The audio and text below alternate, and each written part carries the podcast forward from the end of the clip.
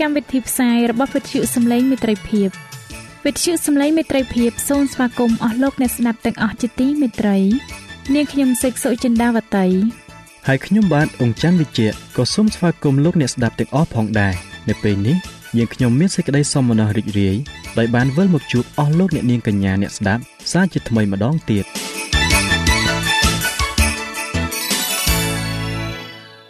ចា៎លោកអ្នកស្ដាប់ជាទីមេត្រី នាងខ្ញុំសូមគោរពអញ្ជើញអស់លោកលោកស្រីអ្នកនាងកញ្ញាតាមដានស្ដាប់កម្មវិធីផ្សាយរបស់វិទ្យុយើងខ្ញុំដូចតទៅ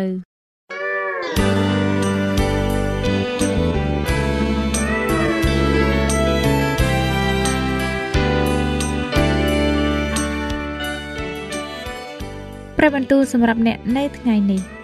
ព្រះគម្ពីររ៉ូមចំពុក13ខ10បានចែងថាសេចក្តីស្រឡាញ់មិនដែលធ្វើអាក្រក់ដល់អ្នកជិតខាងឡើយ ដូច្នេះសេចក្តីស្រឡាញ់ជាកិច្ចសម្រេចតាមក្រឹតវិន័យហើយ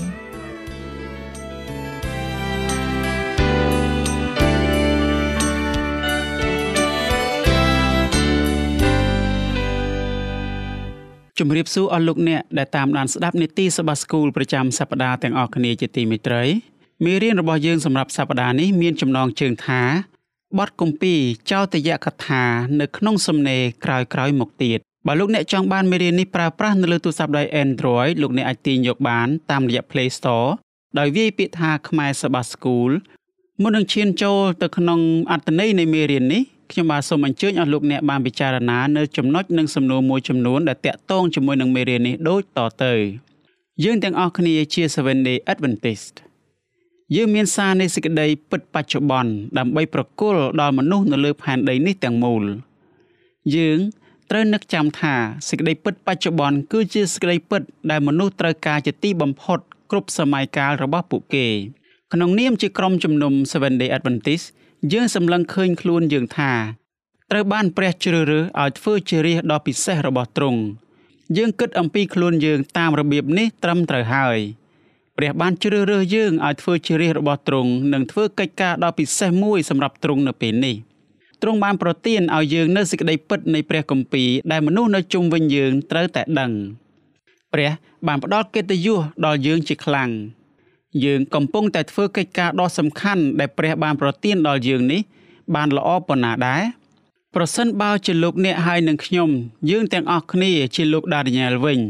លោកអ្នកបានសម្លឹងឃើញកងទ័ពបាប៊ីឡូនកំពុងតែលុកលុយចូលមកក្នុងប្រទេសរបស់លោកអ្នក លោកអ្នកបានឃើញខ្មាំងសត្រូវយកឈ្នះលើជនជាតិរបស់លោកអ្នកនៅក្នុងសង្គ្រាម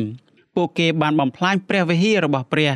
ព្រះវិហារគឺជាស្នូលនៃសេចក្តីជំនឿខាងឯសាសនាសម្រាប់ប្រទេសជាតិរបស់លោកអ្នកទាំងមូលហើយអាក្រក់ជាងនេះទៅទៀតព្រះវិហាររបស់លោកអ្នកត្រូវបានបំផ្លាញដោយមនុស្សដែលថ្វាយបង្គំរូបសំណាកនៃពួកព្រះខ្លែងខ្លាយនិងពួកព្រះនៃធម្មជាតិតើលោកអ្នកគិតថា កាន់គម្ពីរចោទយកថាបានផ្ដល់ក្តីសង្ឃឹមដល់លោកដានីយ៉ែលនិងជនជាតិយូដាដទៃទៀតយ៉ាងដូចម្ដេចនៅពេលនោះតើលោកអ្នកគិតថាកាន់គម្ពីរចោទយកថាបានជួយឲ្យលោកដានីយ៉ែលយល់យ៉ាងដូចម្ដេចចំពោះអ្វីទាំងអស់ដែលបានកើតឡើង និងអំពីមូលហេតុដែលនាំឲ្យរឿងទាំងនោះកើតឡើង ទន្ទឹមគ្នានេះតើការយល់ដឹងរបស់យើងអំពីព្រះគម្ពីរអាចជួយឲ្យយើងដោះស្រាយជាមួយនឹងគ្រាលំបាកលំបាកដោយរបៀបណា បើគ្មានចំណេះដឹងអំពីសក្តីពិតនៃព្រះគម្ពីររបស់យើងនេះទេ គ្រាលំបាកទាំងនេះនឹងធ្វើឲ្យយើងបាក់ទឹកចិត្តជាមិនខានឡើយតើចម្លើយឆ្លើយតបរបស់យើងទៅនឹងសំណួរទាំងនេះគួរតែបង្រៀនយើងអ្វីខ្លះអំពីសារៈសំខាន់នៃព្រះគម្ពីរចំពោះសេចក្តីជំនឿរបស់យើងនោះអស់លោកអ្នកជាទីមេត្រីតើអ្នកដឹងថាអ្នកនិពន្ធក្រោយៗមកទៀតនៅក្នុងព្រះគម្ពីរសញ្ញាចាស់តែងតែប្រើពាក្យ ពីអ្នកនិពន្ធមុនមុនដើម្បីបង្ហាញអំពីគំនិតរបស់ពួកគេដែរឬទេចូលយើងក្រឡេកមើលឧទាហរណ៍មួយចេញពីកាន់គម្ពីរទំនុកដំកើងអ្នកសរសេរព្រះគម្ពីរនេះគឺនៅក្នុងព្រះគម្ពីរទំនុកដំកើងជំពូក81បានមានប្រសាសន៍នៅពាក្យសឹងតែដូចគ្នានឹងអ្វីដែលលោកម៉ូសេបានសរសេរនៅក្នុងសេចក្តីណែនាំអំពីក្រឹតវិន័យទាំង10ប្រការយ៉ាងដូចនេះថាអញនេះគឺជាព្រះយេហូវ៉ាជាព្រះនៃឯង ដែលបាននាំឯងឡើងចេញពីស្រុកអេស៊ីបមកព្រះគម្ពីរទំនុកដំកើងចំពុក81ខ10អ្នកសរសេរជាច្រើនអ្នកបានពិពណ៌នាអំពីរបៀបដែលព្រះបានបង្កើតផែនដីនេះតាមរយៈព្រះគម្ពីរសញ្ញាចាស់ទាំងមូលអ្នកសរសេរទាំងនេះបានប្រើពាក្យដដែលដែលលោកម៉ូសេបានសរសេរនៅក្នុងបទគម្ពីរលោកុបាទជំពូក1សូមយើងក្រឡេកមើលនៅអ្វីដែលលោកយេរេមៀបានមានប្រសាសន៍ថាខ្ញុំបានពិចារណាមើលផែនដី ឃើញថាខូច ហើយនៅតទេ រួចមើលទៅលើមេឃនោះក៏ឥតមានពន្លឺដែរព្រះគម្ពីរយេរេមៀជំពូក4ខ23ហើយក៏សូមប្រៀបធៀបអំពីអ្វីដែលលោកយេរេមៀបានសរសេរនៅត្រង់នេះជាមួយនឹងពាក្យពេចន៍របស់លោកម៉ូសេនៅក្នុងព្រះគម្ពីរលោកុបាទជំពូក1ខ2អ្នកសរសេរព្រះគម្ពីរសញ្ញាចាស់ជាច្រើនអ្នកតែងតែមានប្រសាសន៍អំពីព្រះ និងសេចក្តីសញ្ញារបស់ទ្រង់ជានិច្ចម្ល៉េះហើយ យើងមិនគួរភ្ញាក់ផ្អើលឡើយក្នុងការដែលពួកគេបញ្ចូលផ្នែកមួយចំនួននៃកាន់គម្ពីរចោទយកថានៅក្នុងសំណេរផ្ទាល់របស់ពួកគេនោះព្រះគម្ពីរចោទយកថាទាំងមូលស្ដីអំពីសេចក្តីសញ្ញាមេរៀនសម្រាប់សប្តាហ៍នេះយើងនឹងក្រឡេកមើលអំពីរបៀបដែលអ្នកសរសេរព្រះគម្ពីរដទៃទៀតបានប្រើនៅសម្រងមតិចេញពីកាន់គម្ពីរចោទយកថាតើអ្នកសរសេរទាំងនេះបានប្រើផ្នែកណាខ្លះនៃការគម្ពីរចោទយកថា ហើយគោលគំនិតរបស់ពួកគេសំខាន់ប៉ុណ្ណា សម្រាប់យើងនៅថ្ងៃនេះគម្ពីរក្រឹតវិន័យស្ដេចយូស៊ីសបានក្លាយជាស្ដេចនៃសាសយូដានៅពេលដែលគាត់មានប្រជជន8ឆ្នាំគាត់បានធ្វើជាស្ដេចអស់រយៈពេល31ឆ្នាំ គឺចាប់ពីឆ្នាំ460រហូតដល់ឆ្នាំ609មុនគ្រិស្តសករាជ នៅពេលដែលស្ដេចយូសៀសបានគ្រងរាជអស់រយៈពេល18ឆ្នាំ មានហេតុការណ៍ដ៏ធំមួយបានកើតឡើងហេតុការណ៍មួយនេះបានផ្លាស់ប្ដូរប្រវត្តិសាស្ត្រនៃសាសអ៊ីស្រាអែលអស់រយៈកាលជាយូរអ្នកប្រាជ្ញខាងឯព្រះគម្ពីរបានជឿថាគម្ពីរក្រឹតវិន័យនៅក្នុងបទគម្ពីរពងសាវតាក្សត្រខ្សែទី2ចំពុក22ខ8គឺជាខគម្ពីរចោទយកថា ព្រះគម្ពីរក្រឹតវិន័យត្រូវបានបំបត្តិអស់រយៈពេលជាច្រើនឆ្នាំមកហើយបន្ទាប់មកគម្ពីរនេះត្រូវបានរកឃើញវិញនៅក្នុងរជ្ជកាលរបស់ស្ដេចយូសៀស្ដេចយូសៀបានលើការដាស់តឿនចេញពីព្រះគម្ពីរក្រឹតវិន័យជាលើកដំបូងសេចក្តីទាំងនោះបានប៉ះពាល់ប្រតិយរបស់ទ្រង់ជាខ្លាំងស្ដេចយូសៀបានជ្រាបក្បួនច្បាប់នៅក្នុងរបៀបដ៏ថ្មីមួយទ្រង់បានតតឃើញថា ព្រះបានផ្ដល់ជំរឿសមួយដល់សាសអ៊ីស្រាអែលរវាងផ្លូវពីរគឺជីវិតនិងសេចក្តីស្លាប់ព្រះគម្ពីរចោទយកថាជំពូក30ខ19រួមទាំងព្រះពរនិងបណ្ដាសាផងព្រះគម្ពីរចោទយកថាជំពូក30ខ19ដដែលស្ដេចយូសៀសបានតតឃើញថាព្រះចង់សង្គ្រោះរាជរបស់ទ្រង់ទាំងមូល ដូចជាទ្រង់បានរំដោះពួកគេចេញពីស្រុកអេស៊ីបដូច្នោះដែរ ព្រះបានសន្យាថានឹងប្រទានព្រះពរដល់រាជរបស់ទ្រង់នៅក្នុងទឹកដីសន្យាទ្រង់បានសន្យាថានឹងធ្វើឲ្យពួកគេคล้ายទៅជាសាសដ៏មានអំណាចបំផុតនៅលើផែនដីនេះស្ដេចយូសៀសបានព្យាយាមផ្គាប់ព្រះអម្ចាស់ជាខ្លាំងបន្ទាប់ពីពេលនោះមកស្ដេចយូសៀសបានចុះសញ្ញានឹងព្រះយេហូវ៉ាឲ្យបានដើរតាមព្រះយេហូវ៉ាហើយកាន់តាមក្រឹតក្រមនិងសេចក្តីបន្ទាល់ហើយនឹងបញ្ញត្តិរបស់ទ្រង់ទាំងប៉ុន្មាន អស់អំពីចិត្តហើយអស់អំពីព្រលឹងទ្រង់ព្រះគម្ពីរពងសាវតាក្សត្រខ្សែទី2ជំពូក23ខ3ព្រះគម្ពីរចោទយកថាជំពូក4ខ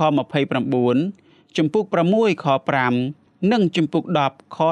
12ស្ដេចយូសៀសលើកស្ទួយជីវិតនៅក្នុងទឹកដីរបស់ទ្រង់តាមរយៈវិធីជាច្រើនយ៉ាងស្ដេចយូសៀសក៏បំបត្តិពួកគ្រូខាបគ្រូគាថាព្រមទាំងរូបឆ្លាក់និងព្រះទាំងប៉ុន្មាន ហើយគ្រប់ទាំងសេចក្តីគួរស្អប់ខ្ពើម ដែលឃើញមាននៅក្នុងស្រុកយូដា នៅក្នុងក្រុងយេរូសាឡឹមទាំងអស់ចេញ ដើម្បីឲ្យបានសម្រេចតាមពាក្យនៃក្រឹតវិន័យកត់ទុកនៅក្នុងគម្ពីរដែលហិលគីយ៉ាជាសម្ដេចសង្ឃបានប្រទះឃើញក្នុងព្រះវិហារនៃព្រះយេហូវ៉ាព្រះគម្ពីរពងសាវតាក្សត្រខ្សែទី2ជំពូក23ខ24ស្ដេចយូសៀសក៏បានសម្លាប់ពួកសង្ឃដែលបានថ្វាយបង្គំរូបសំណាកនៅក្នុងសាសសាមារីផងដែរ ស្ដេចយូសៀសបានធ្វើការផ្លាស់ប្ដូរធំធំ ការផ្លាស់ប្ដូរទាំងនេះ បានបង្ហាញយើងថា មនុស្សលោកបានងាកចេញ ពីព្រះឆ្ងាយប៉ុណ្ណា នៅក្នុងចិត្តរបស់ពួកគេ គ្រប់ទាំងអស់នៃស្ថានសួគ៌ជារបស់ព្រះ ព្រះគម្ពីរចោទយកថា បានបង្ហាញយើងថា បញ្ញត្តិនិងសេចក្តីសញ្ញាមានសារៈសំខាន់ជាទីបំផុត ចំពោះមិត្តភាពដែលសាសអ៊ីស្រាអែលមានជាមួយនឹងព្រះ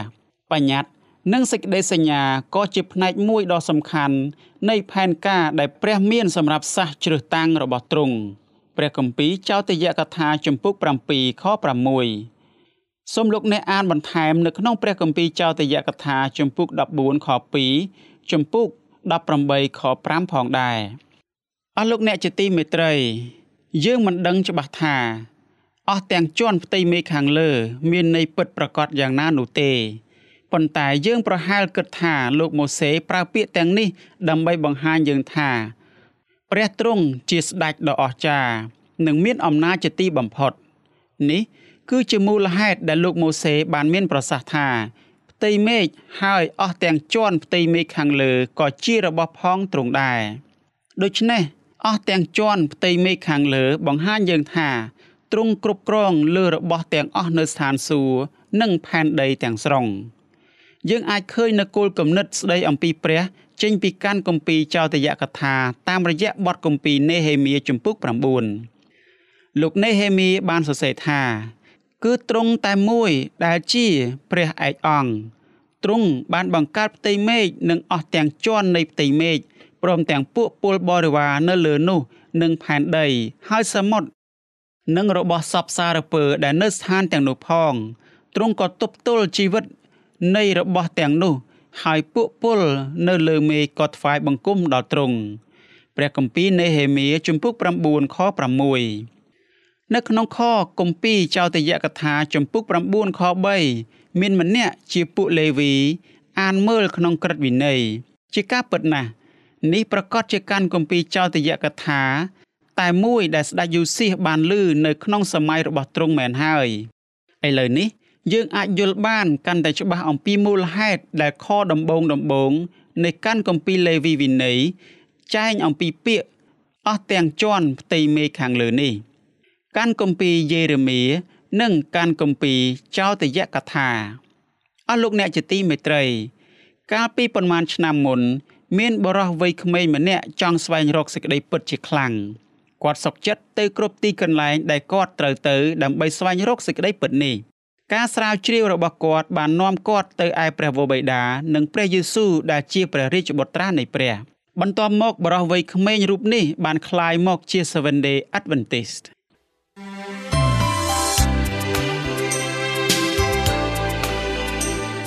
សេចក្តីជំនឿកើតឡើងដោយលឺ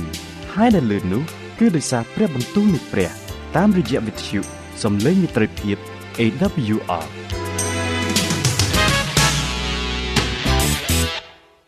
ស់លោកអ្នកជាទីមេត្រីខព្រះគម្ពីរដែលគាត់ពេញចិត្តបំផុតនោះគឺព្រះគម្ពីរយេរេមៀជំពូក29ខ13ដែលបានចែងយ៉ាងដូចនេះថាឯងរាល់គ្នានឹងស្វែងរកអញហើយនឹងឃើញផង គឺកាលណាឯងស្វែងរកអញឲ្យអស់អំពីចិត្តអស់លោកអ្នកជាទីមេត្រីដោយដែលយើងបានឃើញរួចមកហើយថាកាន់គម្ពីរចោទយកថា បានបាត់ខ្លួនអស់រយៈកាលយ៉ាងយូររហូតដល់រជ្ជកាលនៃស្ដេចយូសៀ ក្នុងអំឡុងពេលនៃរជ្ជកាលស្ដេចយូសៀលោកយេរេមៀបានចាប់ផ្ដើមកិច្ចការរបស់គាត់សម្រាប់ព្រះដូច្នេះយើងអាចមើលឃើញថាកាន់គម្ពីរចោទយកថាមានសារៈសំខាន់ជាទីបំផុតចំពោះលោកយេរេមៀនិងសំណេររបស់គាត់លោកម៉ូសេបានប្រាប់ពួកបណ្ដាជនម្ដងហើយម្ដងទៀតថាភាពជោគជ័យរបស់ពួកគេនៅក្នុងស្រុកកាណាននឹងកើតមានឡើងបើសិនជាពួកគេបានគោរពតាមព្រះ។ តែបើគេមិនបានគោរពតាមព្រះវិញនោះព្រះនឹងដកពួកគេចេញពីទឹកដីដែលទ្រង់បានប្រគល់ឲ្យពួកគេសូមក្រឡេកមើលការដាស់តឿននៅក្នុងព្រះគម្ពីរចោទយកថាជំពូក7ខ4ខនេះបានបង្ហាញយើងថា ការគោរពតាមមានសារៈសំខាន់ជាទីបំផុត ព្រះបានជ្រើសរើសសាសអ៊ីស្រាអែលមែនពិត ហើយព្រះវិហាររបស់ព្រះក៏នៅក្នុងទឹកដីរបស់ពួកគេយ៉ាងពិតប្រាកដដែរ ប៉ុន្តែប្រសិនបើពួកគេអខានមិនបានគ្រប់តាមព្រះទេ នោះព្រះពរទាំងពីរនេះមិនអាចជួយសង្គ្រោះពួកគេបានឡើយការគ្រប់តាមរបស់ពួកគេរាប់បញ្ចូលទាំងសេចក្តីសប្បុរសចំពោះពួកស្រុកក្រៅក្មេងកំព្រា និងស្ត្រីមេម៉ាយផងដែរតើគោលគំនិតនេះបានមកពីណា ជាការពិតណាស់អស់លោកអ្នកជាទីមេត្រីគោលគំនិតនេះ គឺបានមកពីការគម្ពីរចោទយកថា លោកម៉ូសេបានបង្គាប់ពួកគេថា មិនត្រូវឲ្យឯងបង្វែរសេចក្តីយុត្តិធម៌ពីអ្នកប្រទេសក្រៅឬពីកូនកំព្រាឡើយ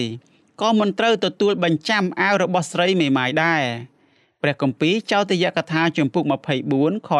12ហើយក៏សូមអស់លោកអ្នកបានអាននៅក្នុងព្រះគម្ពីរចោទយកថាជំពូក24ខ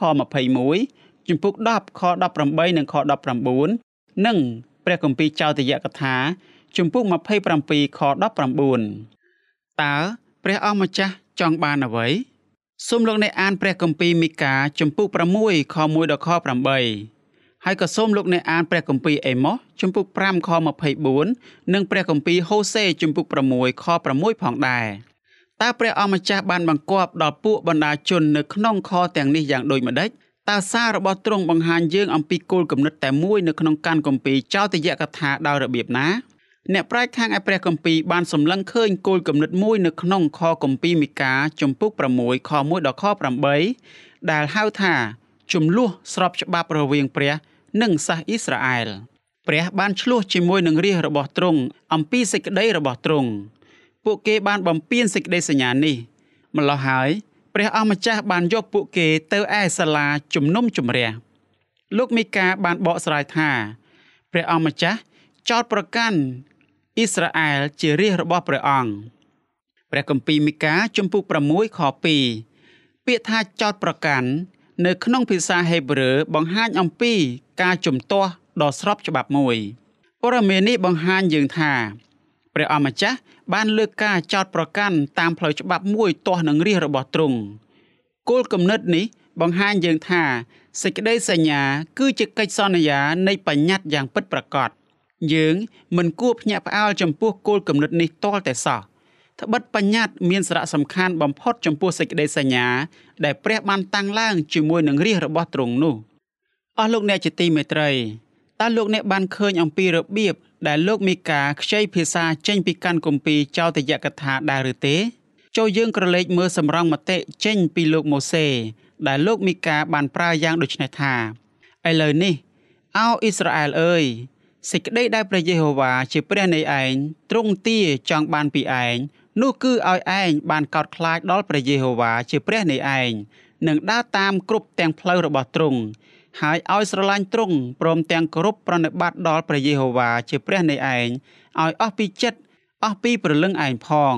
ហើយឲ្យកាន់តាមសេចក្តីបញ្ញត្តិផងព្រះយេហូវ៉ានិងច្បាប់ទាំងប៉ុន្មានរបស់ទ្រង់ ដែលអញបង្គាប់ឯងនៅថ្ងៃនេះសម្រាប់ជាសេចក្តីល្អដល់ឯងព្រះគម្ពីរចោទយកថាជំពូក10ខ12និងខ13ឥឡូវនេះតើលោកមីកាមានប្រសាសន៍អំពីខទាំងនេះយ៉ាងដូចម្តេចដែរអោមនុស្សអើយ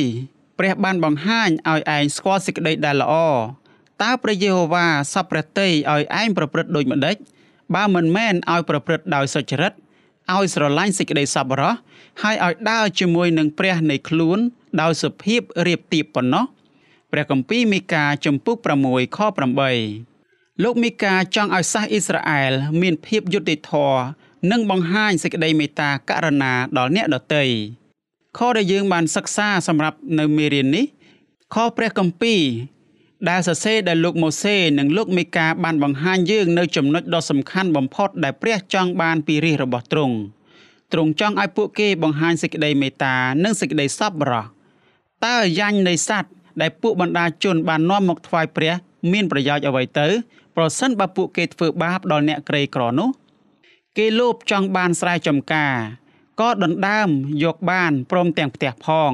ហើយរឹបយកទៅ គេសង្កត់សង្កិន ទាំងមនុស្សនិងផ្ទះរបស់គេ ព្រះគម្ពីរមីកាជំពូក2ខ2ព្រះបានជ្រើសរើសសាសអ៊ីស្រាអែលឲ្យបង្ហាញសេចក្តីស្រឡាញ់របស់ទ្រង់ដល់អ្នកដទៃព្រះចង់ឲ្យមនុស្សនៅលើផែនដី ចេះនិយាយអំពីសាសអ៊ីស្រាអែលថាសាសនេះមានប្រាជ្ញា និងយោបល់ពិតមែនព្រះគម្ពីរចោទយកថា ជំពូក4ខ6នេះ គឺជាមូលហេតុដែលព្រះចង់ឲ្យជនជាតិអ៊ីស្រាអែលប្រព្រឹត្តដោយប្រាជ្ញា និងបង្ហាញអំពីសេចក្តីមេត្តារបស់ទ្រង់ដល់មនុស្សគ្រប់គ្នាសេចក្តីអធិដ្ឋានរបស់លោកដានីយ៉ែលព្រះគម្ពីរដានីយ៉ែលគឺជាសេចក្តីអធិដ្ឋានមួយដ៏ពេញនិយមបំផុតនៅក្នុងគម្ពីរសញ្ញាចាស់លោកដានីយ៉ែលបានរៀនចេញពីកាន់គម្ពីរយេរេមៀថា ពេលវេលាសម្រាប់សាសអ៊ីស្រាអែលត្រឡប់ទៅឯស្រុកខ្លួនវិញនឹងកើតឡើងឆាប់ឆាប់នេះដូច្នេះ លោកដានីយ៉ែលបានអធិដ្ឋានទូលសូមឲ្យព្រះរក្សាសេចក្តីសន្យានេះដល់រាជរបស់ទ្រង់លោកដានីយ៉ែលបានសារភាពអំពីអំពើបាបរបស់គាត់ និងអំពើបាបនៃសាសអ៊ីស្រាអែលទាំងទឹកភ្នែកទន្ទឹមគ្នានេះ លោកដានីញ៉ែលក៏យល់ផងដែរថាសាសអ៊ីស្រាអែលបានធ្វើឲ្យខ្លួនគេផ្ទាល់មានការជឿចាប់ព្រះទ្រង់យុត្តិធម៌និងត្រឹមត្រូវនៅក្នុងការប្រព្រឹត្តរបស់ទ្រង់ កាលដែលទ្រង់បានបណ្ដោយឲ្យគេនាំសាសអ៊ីស្រាអែលទៅឯក្រុងបាប៊ីឡូនសេចក្តីអធិដ្ឋានរបស់លោកដានីញ៉ែលបានបង្ហាញយើងយ៉ាងច្បាស់អំពីអ្វីដែលព្រះបានដាស់តឿនដល់រាជរបស់ទ្រង់នៅក្នុងកាន់គម្ពីរចោទយកថាប្រសិនបើពួកគេបំពេញសេចក្តីសញ្ញារបស់ទ្រង់នោះលោកដានីញ៉ែលបានមានប្រសាសន៍អំពីក្រឹតវិន័យរបស់លោកម៉ូសេពីរដងព្រះគម្ពីរដានីញ៉ែលចំពុក9ខ11និងខ13 ជាការពិតណាស់អស់លោកអ្នកជាទីមេត្រីក្រឹតវិន័យនេះក៏រាប់បញ្ចូលទាំងកាន់គម្ពីរចោទយកថាផងដែរកាន់គម្ពីរចោទយកថាបង្ហាញប្រាប់យើងថាពួកបណ្ដាជននឹងក្លាយជាអ្នកទោសសម្រាប់ការមិនគោរពតាមក្រឹតវិន័យមកពីព្រះ ដែលលោកម៉ូសេបានប្រគល់ឲ្យពួកគេ ពេលនោះពួកគេនឹងត្រូវនិរទេសចេញពីទឹកដីរបស់ពួកគេ លោកអ្នកអាចអានបន្ថែមនៅក្នុងព្រះគម្ពីរចោទយកថាជំពូក4ខ27ដល់ខ31និងព្រះគម្ពីរចោទយកថាជំពូក28ពេញតែម្ដងអ្វីអ្វីគ្រប់យ៉ាងបានកើតឡើងដោយជាលោកម៉ូសេបានដាស់តឿនដល់ពួកគេមែនរឿងនោះបានកើតឡើងនៅក្នុងព្រះគម្ពីរចោទយកថាជំពូក31ខ29គួរឲ្យសោកស្ដាយណាស់សាសដតីដែលនៅជុំវិញសាសយូដាលែងនិយាយទៀតហើយថា សាសនេះមានប្រាជ្ញា និងយោបល់ពិតមែនព្រះគម្ពីរចោទយកថាជំពូក4ខ6លោកដានីយ៉ែលបានមានប្រសាសន៍ថាសាសដតីដែលរស់នៅជុំវិញទីក្រុងយេរូសាឡឹមមិនបានគិតដល់សាសអ៊ីស្រាអែលទាល់តែសោះត្បិតក្រុងយេរូសាឡឹមនិងពួករាជរបស់ទ្រង់បានត្រឡប់ជាទីថ្មេះតេះដៀលដល់មនុស្សទាំងអស់ដែលនៅព័ទ្ធជុំវិញយើងខ្ញុំព្រះគម្ពីរដានីយ៉ែលជំពូក9ខ16 តើលោកអ្នកសង្កេតឃើញថាលោកដានីយ៉ែលមិនបានសួរសំណួរថាហេតុអ្វីដែរឬទេតើហេតុអ្វីបានជារឿងអាក្រក់អាក្រក់ទាំងនេះកើតឡើងដល់សាសអ៊ីស្រាអែលយ៉ាងដូចនេះលោកដានីយ៉ែលបានដឹងយ៉ាងច្បាស់ថាហេតុអ្វីឲ្យពិតប្រាកដគាត់បានអានកាន់គម្ពីរចោទយកថាកាន់គម្ពីរចោទយកថាបានជួយឲ្យលោកដានីយ៉ែលនិងរាជរបស់ទ្រង់យល់អំពីមូលហេតុដែលនាំឲ្យការអាក្រក់ទាំងនោះព្រមទាំងការឈឺចាប់កើតមានឡើងដល់ពួកគេ បទពិសោធន៍របស់ពួកគេមិនមែនជាសំណាងអាក្រក់នោះទេពួកគេបានបាត់បង់ផ្ទះសម្បែងនិងទឹកដីដោយសារតែពួកគេមិនគោរពតាមព្រះ ទន្ទឹមគ្នានេះសេចក្តីអធិដ្ឋានរបស់លោកដានីយ៉ែលបានបង្ហាញយើងអំពីសេចក្តីសង្ឃឹមឡើងវិញព្រះមិនបានភ្លេចរាជរបស់ទ្រង់នោះទេទ្រង់បានសន្យាថានឹងដឹកនាំពួកគេត្រឡប់មកឯផ្ទះវិញម្ដងទៀតក្នុងពេលឆាប់ឆាប់ខាងមុខនេះ សូមលោកអ្នកអានព្រះគម្ពីរដានីយ៉ែលចំពុក9ខ24ដល់ខ27ខទាំងនេះបានបង្ហាញប្រាប់យើងអំពីការយាងមករបស់ព្រះយេស៊ូវនិងការសគត់របស់ទ្រង់នៅលើឈើឆ្កាងតើលោកអ្នកគិតថាហេតុអ្វីបានជាព្រះប្រទានសារនៃពេលអនាគតដ៏ពិសេសនេះដល់លោកដានីយ៉ែលតើលោកអ្នកគិតថា សារដ៏សំខាន់ហើយពិសេសនេះបានផ្ដល់នូវសេចក្តីសង្ឃឹមអ្វីដល់សាសអ៊ីស្រាអែលអំពីការត្រឡប់ទៅផ្ទះវិញរបស់ពួកគេក្នុងពេលឆាប់ៗនោះនៅក្នុងសៀវភៅពួកហោរានឹងស្ដេចអ្នកស្រី Ellen G. White បានលើកឡើងថា ការផ្លាស់ប្ដូរដ៏ធំបានចាប់ផ្ដើមកើតឡើង ក្នុងអំឡុងពេលនេះស្ដេចយូសៀសបានព្យាយាមបំផ្លាញរូបសំណាកព្រះខ្លែងខ្លាយនៅក្នុងទឹកដីរបស់ទ្រង់ស្ដេចយូសៀសក៏បានបំបត្តិការថ្វាយបង្គំពួកព្រះខ្លែងខ្លាយទាំងនេះ និងសាសនារបស់ពួកវាចេញពីទឹកដីរបស់ទ្រង់ផងដែរកិច្ចការនេះសឹងតែគ្មានអ្នកណាម្នាក់អាចធ្វើបាននោះឡើយពួកបណ្ដាជន បានអោនក្រាបថ្វាយបង្គំរូបសំណាកធ្វើពីឈើនិងដុំថ្មអស់រយៈកាលជាយូរណាស់មកហើយប៉ុន្តែស្ដេចយូសៀសមិនចោះចាញ់សោះទ្រង់បានព្យាយាមលុបបំបាត់អស់ទាំងការថ្វាយបង្គំព្រះខ្លែងខ្លាយទាំងអំបាលម៉ានចេញពីទឹកដី និងធ្វើឲ្យវាបានស្អាតឡើងវិញ។ អស់លោកអ្នកជាទីមេត្រីខព្រះគម្ពីរដ៏សំខាន់សម្រាប់មេរៀននៅសប្តាហ៍នេះគឺជាព្រះគម្ពីរចោទយកថាជំពូក10ខ15ដែលបានចែងថា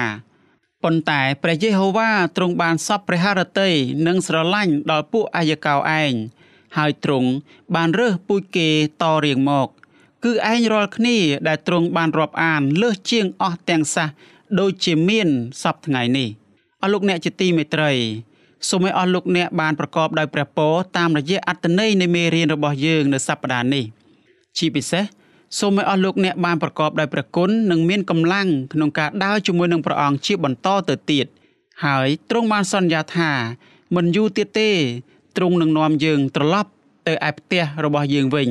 ដែលជានគរឋានសួគ៌ដែលជាក្តីសង្ឃឹមដ៏ធំបំផុតសម្រាប់រាជដ៏ស្មោះត្រង់របស់ព្រះអង្គអស់លោកអ្នកបានឃើញហើយថា នៅក្នុងប្រវត្តិសាស្ត្រទោះបីជាសាសអ៊ីស្រាអែលបានត្រូវឃ្លាតឆ្ងាយចេញពីទឹកដីកំណើតរបស់គេប៉ុន្តែលើកឹកណាដែលគេងាកមករកព្រះអង្គម្ចាស់វិញ នោះទ្រង់បាននាំគេឲ្យត្រឡប់មកស្រុកកំណើតហើយនឹងសាងសង់ទីក្រុង ដែលជាទីក្រុងរបស់ពួកគេឡើងវិញដូចគ្នានេះដែរប្រសិនបើយើង ស្មោះត្រង់ជាមួយនឹងព្រះជាម្ចាស់ងាកបែរចេញពីអំពើបាបរបស់យើង ហើយមកឯព្រះអង្គវិញ នោះ ទ្រង់សន្យាថា យើងនឹងមានចំណែកដែលជាមរតកនៅឯនគរឋានសួគ៌ដែលទ្រង់នឹងប្រទានដល់យើង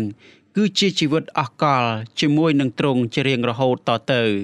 កម្មវិធីមេរៀនសបាស្គូលប្រចាំសប្តាហ៍នឹងវិលមកជួបអស់លោកអ្នកជាថ្មីម្ដងទៀតនៅសប្តាហ៍ក្រោយ សូមអរគុណ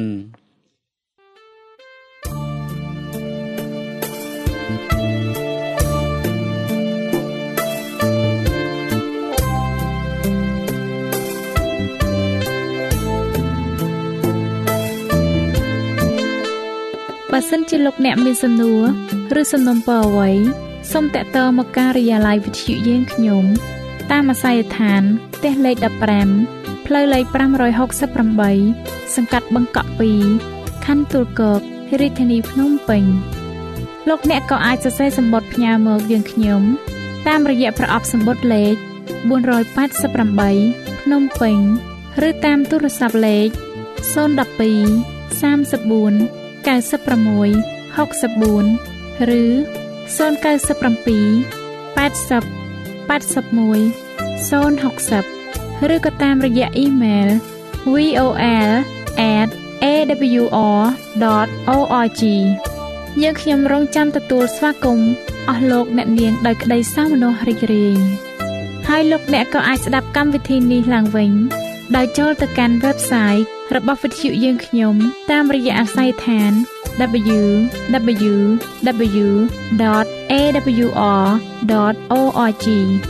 លោកអ្នកនាងកញ្ញាជាទីមេត្រី កម្មវិធីផ្សាយរបស់វិទ្យុសំឡេងមិត្តភាពនៅពេលនេះសូមបញ្ចប់តែប៉ុណ្ណេះយើងខ្ញុំសូមអរគុណចំពោះការតាមដានស្ដាប់របស់អស់លោកអ្នកតាំងពីដើមរហូតដល់ចប់យើងខ្ញុំសូមជូនពរឲ្យអស់លោកអ្នកនាងកញ្ញាទាំងអស់ បានចម្រើនឡើងក្នុងព្រះគុណព្រះអង្គម្ចាស់ហើយក្នុងការទទួលយកព្រះយេស៊ូវគ្រីស្ទជាព្រះអង្គម្ចាស់និងជាព្រះអង្គសង្គ្រោះនៃយើងរាល់គ្នានាទីផ្សាយរបស់វិទ្យុយើងខ្ញុំនឹងវិលមកជួបអស់លោកអ្នកសាជាថ្មីម្ដងទៀតនៅថ្ងៃស្អែកវេលាម៉ោងដដែលនាងខ្ញុំសេកសុចិន្តាវតីនិងខ្ញុំបាទអ៊ំច័ន្ទវិជ្ជៈសូមអរគុណសូមជម្រាបលា